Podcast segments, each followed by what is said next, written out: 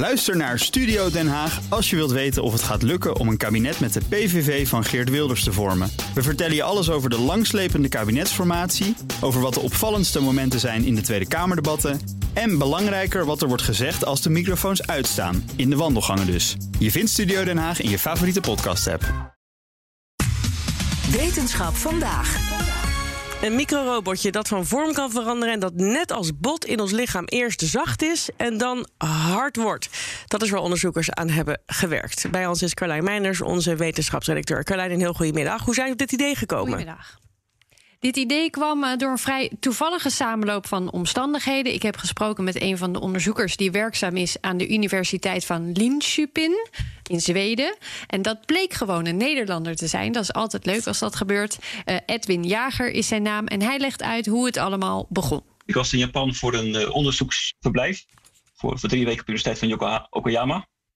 En daar had ik lunch met een, een van de onderzoekers daar. Die onderzoek deed naar de, de formatie van been en vooral de, de, initiale fase van beenformatie, of beengroei moet ik zeggen.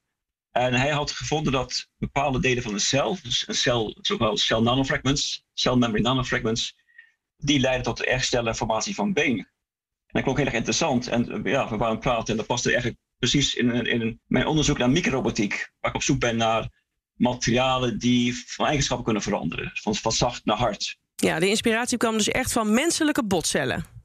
Ja, ja, en dan nog kleiner eigenlijk. Fragmenten van cellen die een belangrijke rol spelen bij de groei van botweefsel. Hij zei al, hij was benieuwd in de eigenschap van weefsel dat van zacht naar hard gaat.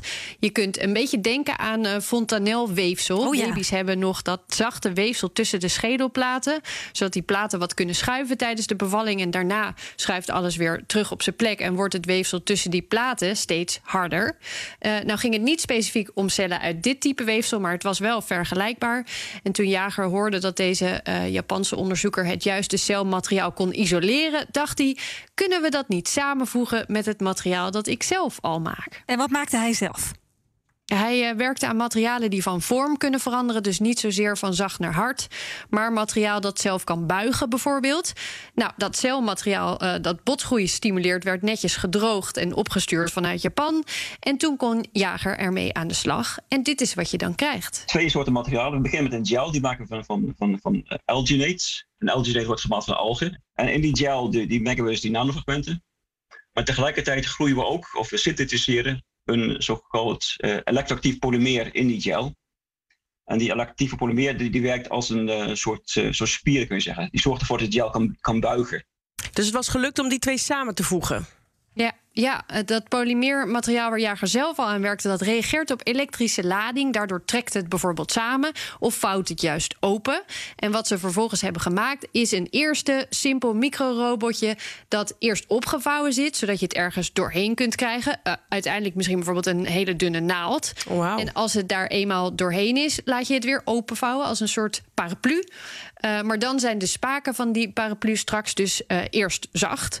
Maar komt het celmateriaal dat ook in dat materiaal zit in aanraking met voedingsstoffen, in het lichaam bijvoorbeeld, calcium, uh, dan kristalliseert het als het ware, dan wordt het hard net als bot zou doen. En wat zou zo'n robotje dan kunnen gaan doen bijvoorbeeld? Van alles eigenlijk. Die mogelijkheden zijn vrij eindeloos. Een van de ideeën is botherstel op moeilijke plekken. Als je dit materiaal naar een breuk kan laten gaan, dat zou dan aangestuurd worden door dat elektroactief polymeer. En vervolgens laat je het materiaal op de juiste manier in die breuk harder worden. Dan kan het de basis vormen voor, voor botherstel. Maar gaat veel sneller uh, dit dan. hebben ze het gaat sneller, maar het gaat, het gaat, vooral ook om plekken waar je moeilijke breuken, ja, zeg maar, ja. die niet zo makkelijk te maken zijn nu nog op moeilijke plekken. En dit, dit hebben ze nog niet in mensen kunnen testen, maar daar moet het natuurlijk wel naartoe. Al kun je waarschijnlijk hiervoor ook best wel mooie toepassingen verzinnen uh, buiten het lichaam zelfs. En dat materiaal moet dan elke vorm kunnen aannemen, neem ik aan. Ja, ja.